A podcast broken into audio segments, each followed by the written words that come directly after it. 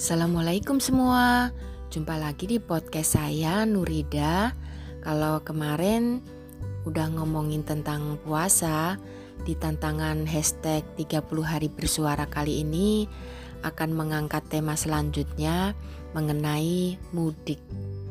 Masih bersama thepodcaster.id Komunitas terbesar podcaster negeri ini Mudik tuh semacam pulang kampung bagi para perantau jadi seperti tradisi yang biasa dilakukan di sekitar lebaran atau hari raya. Usai puasa Ramadan sebulan, selalu disempurnakan dengan sholat id dan saling memaafkan bersilaturahmi berkunjung ke rumah orang tua atau saudara di daerah atau di kampung halaman. Meski hanya tradisi, kebiasaan ini selalu menjadi keseruan tersendiri. Pernah sih suatu kali nggak bisa mudik karena masih ada keperluan pekerjaan di Jakarta. Tapi kok rasanya masih ada yang kurang gitu. Selain karena suasana Jakarta yang biasa macet jadi sepi, ada rasa kurang afdol kalau nggak bisa mudik dan cium tangan langsung kepada orang tua. Ya, Mungkin saya termasuk orang yang konvensional karena mudik juga bisa jadi sarana refreshing, berkumpul dengan keluarga besar sekaligus melepas kangen.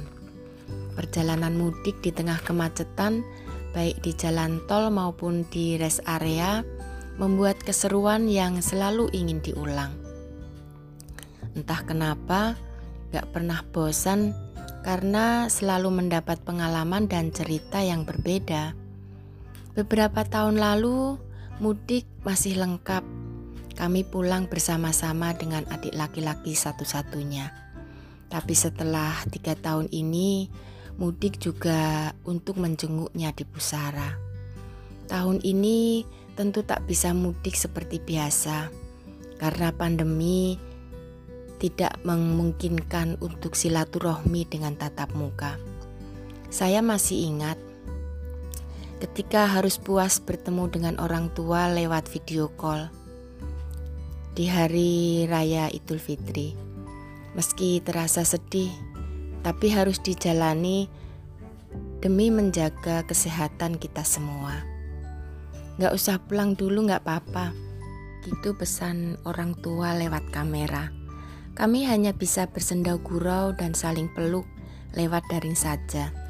Berharap semua sehat-sehat, karena itu yang utama untuk situasi dan kondisi sekarang ini. Jaga kesehatan ya, ya, dan kami mematuhi itu meski kangen tak bisa terpuaskan. Sebagai anak paling besar, saya ingin membawa keluarga untuk bisa menemui langsung dan cium tangan kepada orang tua, bapak ibu saya, Kong dan Utinya. Dan ternyata itu tak mungkin bisa kami lakukan lagi. Karena meski nanti bisa mudik, Bapak sudah tiada. Tanggal 16 November kemarin, Bapakku pergi menghadap yang kuasa. Ya Allah, entah apa rasanya saat bisa mudik tahun depan. Hanya kenangan untuk bisa bersama-sama. Al-Fatihah. Sekian dulu podcast saya kali ini. Semoga ada manfaatnya ya. Tunggu tema lain di podcast selanjutnya. Jangan lupa follow IG saya Nur Ida Z. Juga kepoin podcastnya Morning Doctor di Anchor FM dan Spotify. Salam sehat dan selalu semangat.